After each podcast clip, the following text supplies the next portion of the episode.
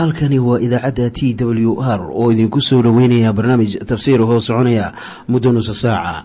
Waxaana barnaamijkan codka waayaha cusub ee waxbaridda ah idiin soo diyaariya masiixiin soomaaliya.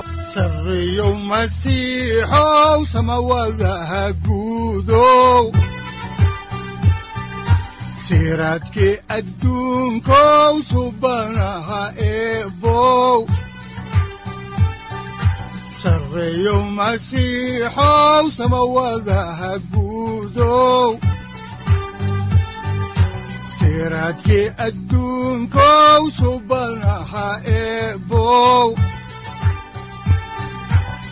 adigoo samada jiro ifkaan soo saldhiganba adigoo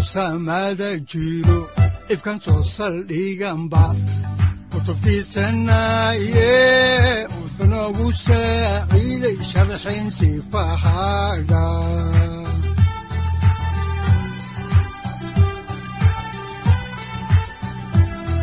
kutubtiisinayo ebnagu saaciid sharxin sifahaaga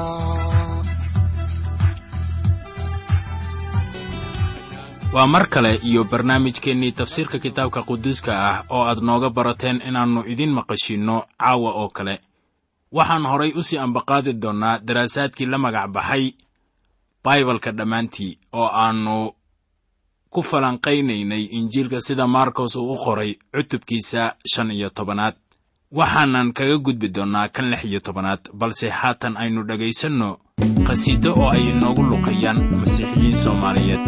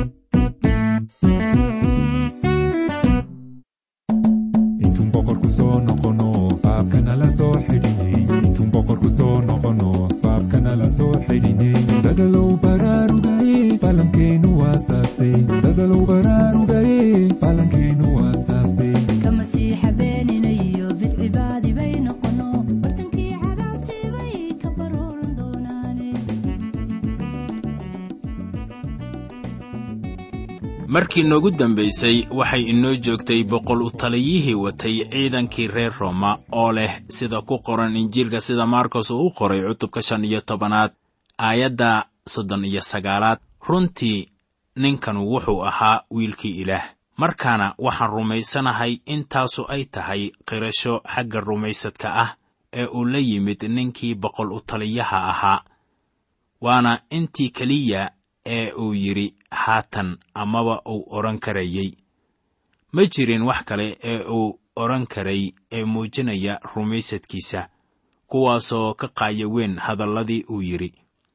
Wuxuu markaasi qiray in ciise uu yahay wiilkii ilaah. Wuxuu shaaca ka qaaday cidda ciise uu ahaa iyo wixii uu samaynayey. Mase rumaysni in ninkan uu lahaa cilmiga tiyolojiyada ninkanu ma akhriyin buugaagta waxbaridda baibalka amase wax buugaag ahba ma arag. Laakiin ninkanu wuxuu garanayay in yar ee uu ku hoos yimaado isku-tallaabta masiixa. Markaana waad garanaysaan in wixii uu sameeyey ninkan ay tahay waxa keliya ee ilaah uu weyddiisanayo dembiilaha wuxuu ina weyddiisanayaa inaan rumaysad ugu nimaadno isaga taasina waa waxa ninkanu uu samaynayo.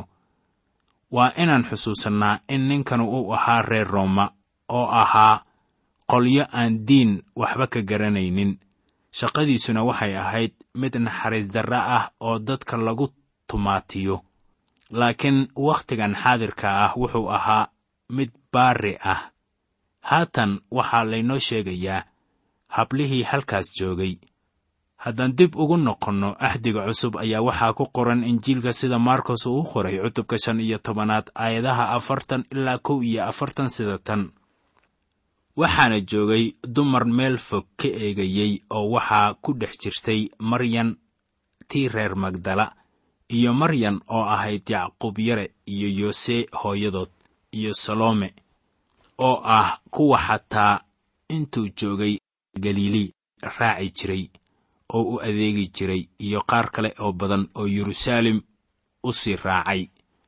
Waa wax xiise leh inaan taana ogaanno oo haweenku ay ahaayeen kuwii ugu dambeeyey ee joogay isku-tallaabta welibana iyaga ayaa ugu hormaray qabrigii lagu aasay ciise. Waxaa laynoo sheegay in habluhu meel fog ay ka eegayeen isku-tallaabta waxaan markaa arkaynaa inay daacad ahaayeen haweenku waana hablaha kuwa daacadnimadoodu ay sii jirto. Waxaa markaa jiray hablo kale oo aan halkan lagu magacaabin oo la yidhi iyo qaar kale oo badan oo yeruusaalem u sii raacay. Haddaan halkii ka sii wadno ayaa waxaa ku qoran injiilka markos cutubka shan iyo tobanaad aayadaha afartan iyo labo ilaa afartan iyo shan sida tan haddaba waxay ahayd maalintii diyaargarayska taas oo ah maalinta sabtida ka horraysa oo markii maqribkii la gaaray waxaa yimid yuusuf kii reer arimitaya oo ahaa taliye murwad leh oo isna boqortooyadii ilaah ayuu sugayey. Isagu wuxuu dhiiranaan ugu galay bilaatos oo uu ka baryey ciise meydkiisii. Bilaatos waa yaabay inuu hadda dhintay markaasuu wuxuu u yeedhay boqol u taliyihii oo weyddiiyey durbe miyuu dhintay? Goortuu ka gartay boqol u taliyihii ayuu meydkii yuusuf siiyey. Waa wax xiise leh inaan tan ka munaaqashoonno. Yuusuf kii reer aramitaya waxa uu ahaa nin aan la garanaynin oo raacsan ciise. Wuxuu mas'uul ka ahaa duugista wuxuuna kaloo lahaa kalsoonida ah inuu bannaanka isku soo bixiyo. Wuxuu ka mid ahaa golaha sanhedirinta la yidhaahdo oo ka kooban toddobaatanka oday waxaana taasi ay ku qoran tahay injiilka luukos cutubka saddex iyo labaatanaad aayadaha konton iyo kow ilaa konton iyo labo. Ninkanu raalli kama ahayn go'aankii ay goluhu gaareen iyo ficilkii ay qaateen ninkanu wuxuu ahaa reer aramitaya. Aramitaya waa magaalo ka mid ah dhulka israa'iil ninkaasu wuxuu kaloo sugayey sida qoran. Boqortooyadii ilaah ninkan dibadda ayuu iskeenay oo uu raacay ciise mar ay rasuulladii oo dhan kala yaaceen qaarna ay dhuunteen. Wuxuuna weyddiistay in jidhkii ciise la siiyo waxaa kaloo laynoo sheegay in bilaatos uu la yaabay dhaqsihii ciise uu u dhintay. Sababtu waxa weeye inay caadi ahaan jirtay qofka lagu qodbo isku-tallaabta inaannu wakhti gaaban gudahood ku dhimanin oo wuxuu isku-tallaabta saarnaan jiray ilaa iyo dhowr maalmood. Mararka qaarkood noloshiisu si tartiib tartiib ah ayay u dhammaanaysaa qofka sidaas loo qodbo waxaa iskutallaabtu ay ahayd wax aad iyo aad u xun oo dadka lagu jir dilo taasina waa sababta bilaatos uu ula yaabay oo uu ugu yeedhay boqol u taliyihii. Ciise ruuxii isagaa bixiyey. Taasaa innaga muhiim inoo ah inaan aragno. Wakhtiga ugu dambeeya ee qofku uu dhimanayo kaasoo lagu qodbo iskutallaabta ayaa labada lugood laga jebiyaa si dhimashadiisa loo dedejiyo. Taasuna waxay kaamilaysaa waxyigii sheegayey inaan lafaha jidhkiisa midna la jebin doonin. Bilaatos ayaa laynoo sheegay inuu siiyey jidhkii ciise yuusufkii reer aramitaya. Waa wax xiise leh inaan ka munaaqashoonno. Labada eray ee loo isticmaalay qaybta jidhkii ciise. Haddaba waxaa qoran yuusuf wuxuu weyddiistay jidhkii ciise.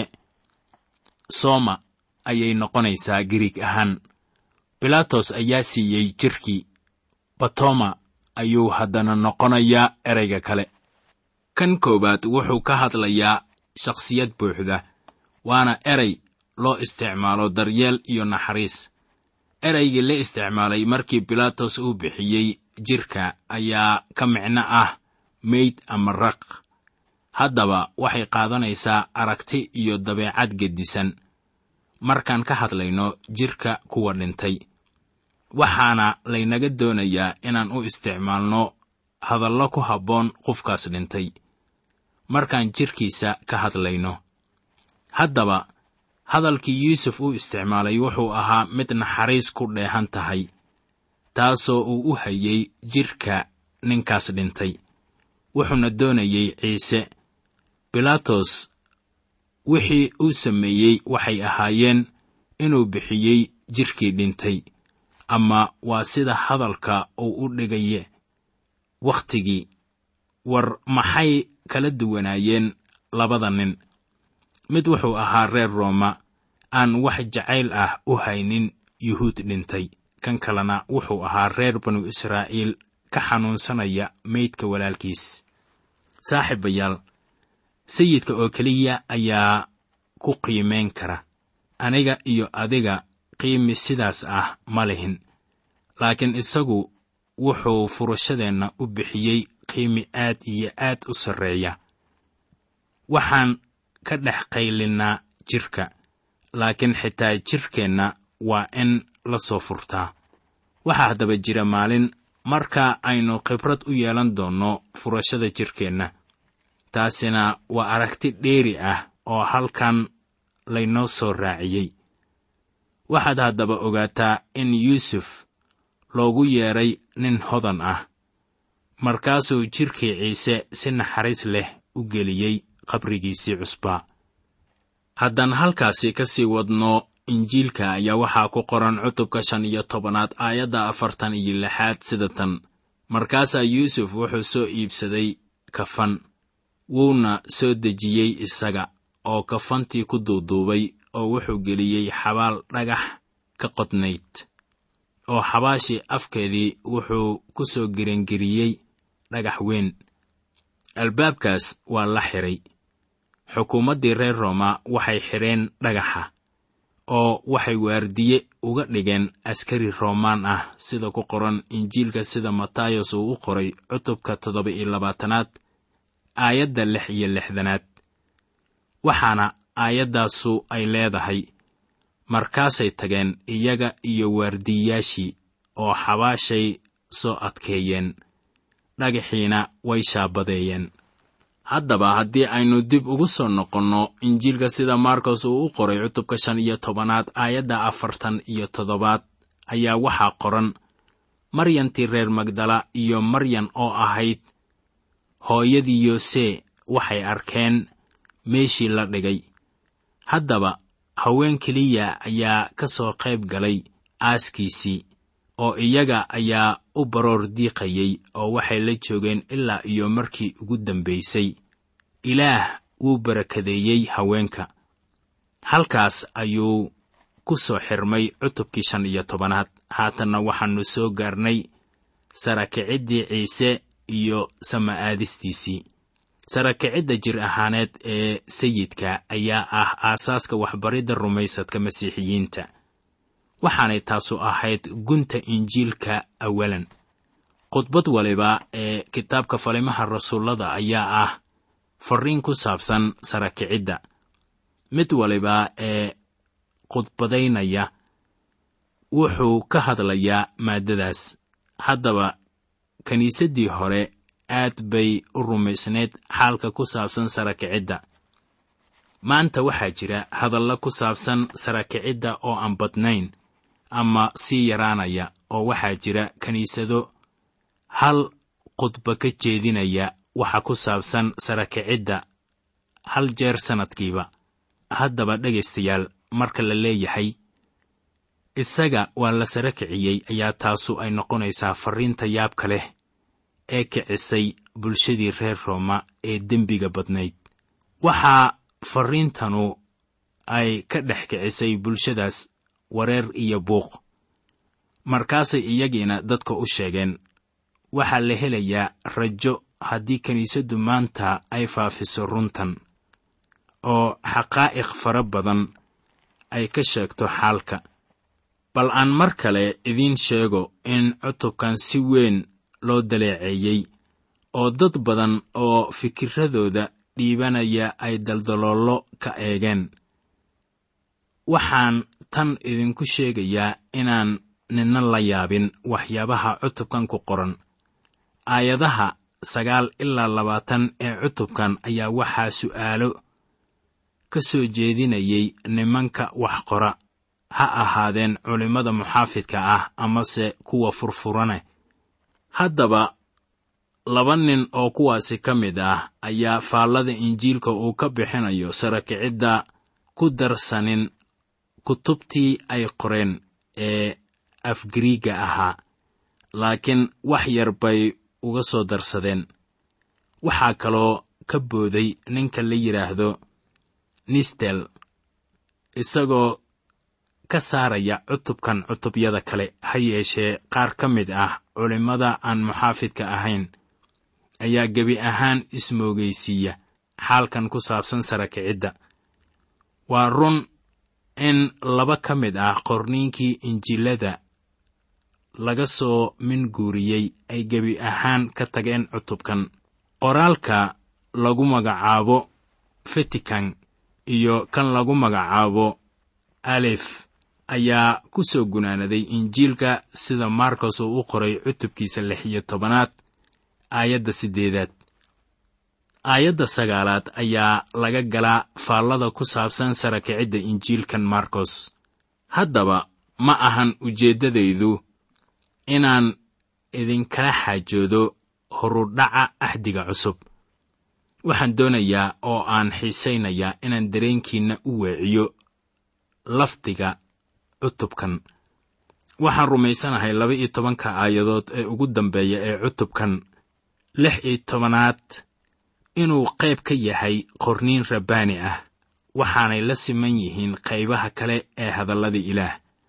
Qaybaha tanaasulaadka sida ku qoran qorniinkii hore ee laga soo min guuriyey.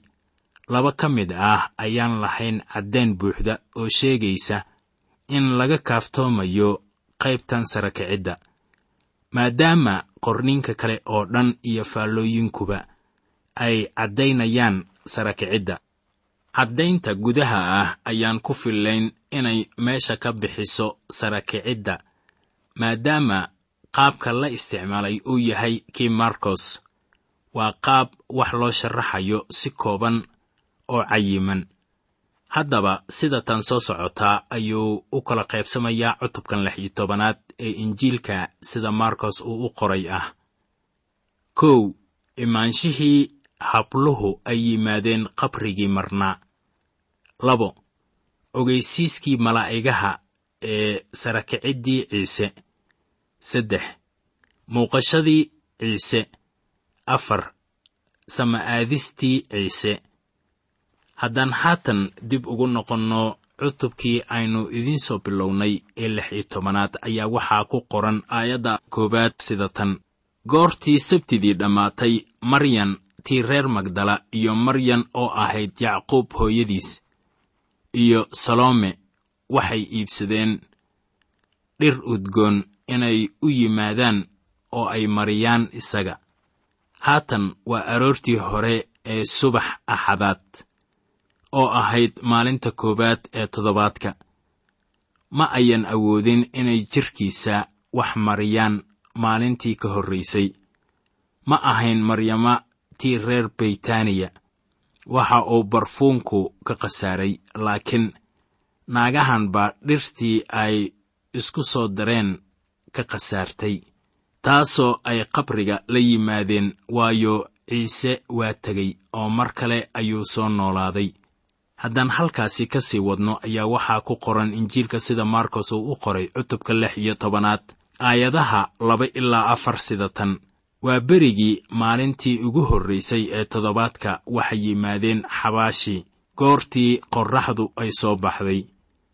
Waxay isku yidhaahdeen ayaa dhagaxa xabaashii afkeeda inooga giringirinaya goortay eegeen waxay arkeen dhagaxii oo la giringiriyey oo aad buu u weynaa.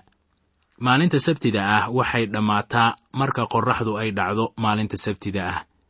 Waxay horay u soo samaysteen dhir iyo cuud si ay wakhti hore maalinnimada axadda u tagaan qabriga la geliyey ciise. Isla haweenkii joogay iskutallaabta ayaa yimid qabriga waxaan u malaynayaa inay saxiix tahay inaan nidhaahno haweenka ayaa ugu dambeeyey iskutallaabta oo iyaga ayaa ugu horreeyey wax qabriga taga oo welibana ugu dambeeyey. Dabeecadda xerta waxay ahayd maadaama ciise dhintay way hagaagsanayd in leys qariyo ilaa xiisaddu ay dhammaato. Markaana khatar ku jiri maayaan miyay haddaba xertu doonayeen inay qabriga tagaan. Haatan waa wakhti hore oo qorraxdu ay soo baxday. Naagahaasna waxay doonayaan inay jidhka ciise ku carfiyaan dhirtii udgoonayd ee ay isku soo dareen oo ay la yimaadeen qabriga.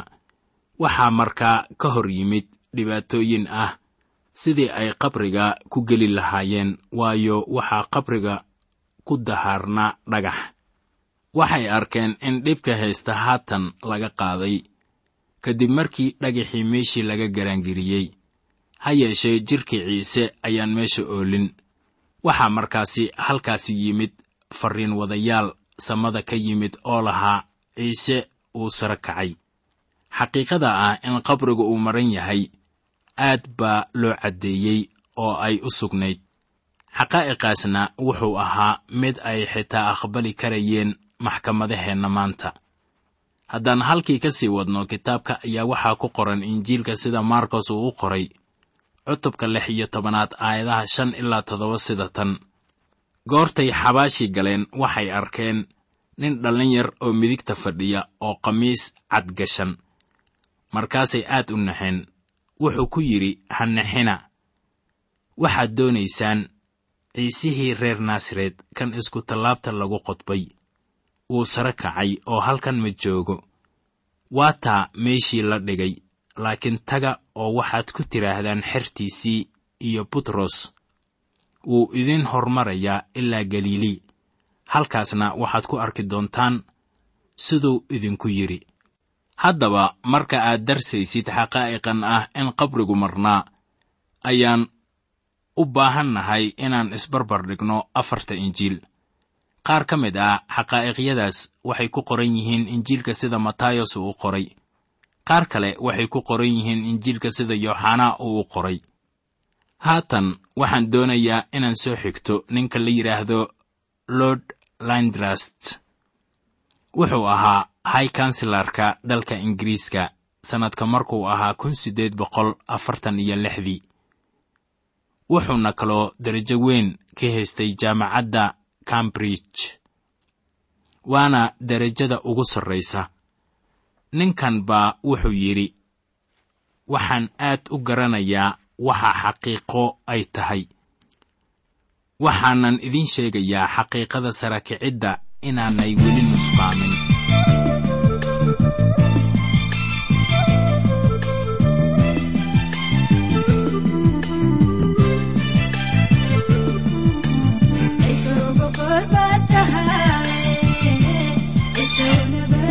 होता है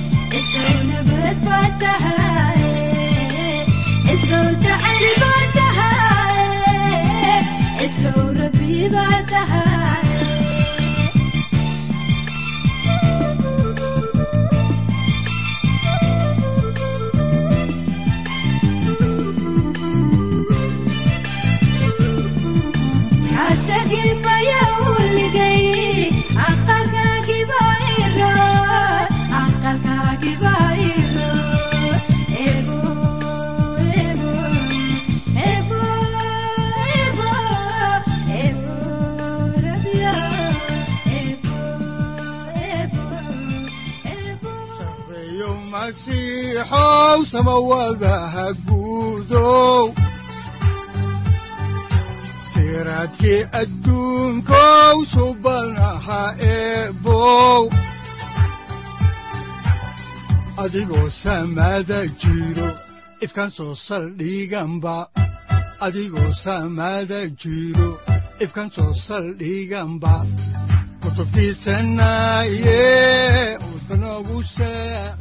halkani waa t w r idaacadda t w r oo idinku leh ilaa ha idin barakeeyo oo ha idinku anfaco wixii aad caawi ka maqasheen barnaamijka. Waxaa barnaamijkan oo kalea aad ka maqli doontaan habeen dambe. Hadahan oo kale haddiise aad doonaysaan in aad fikirkiina ka dhiibataan wixii aad caawi maqasheen ayaad nagala soo xiriiri kartaan som t w r at t w r c o k e haddii aad doonaysaan in aad dejiisataan oo kaydsataan barnaamijka ama aad mar kale dhegaysataan fadlan mar kale booqo www t w r o r g.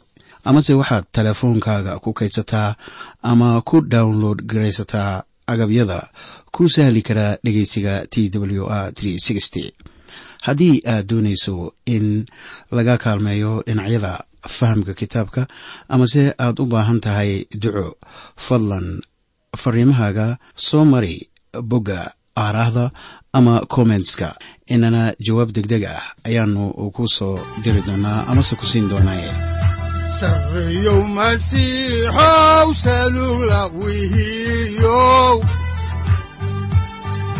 Saacadda timid dhulka sabada ku dhalatiyo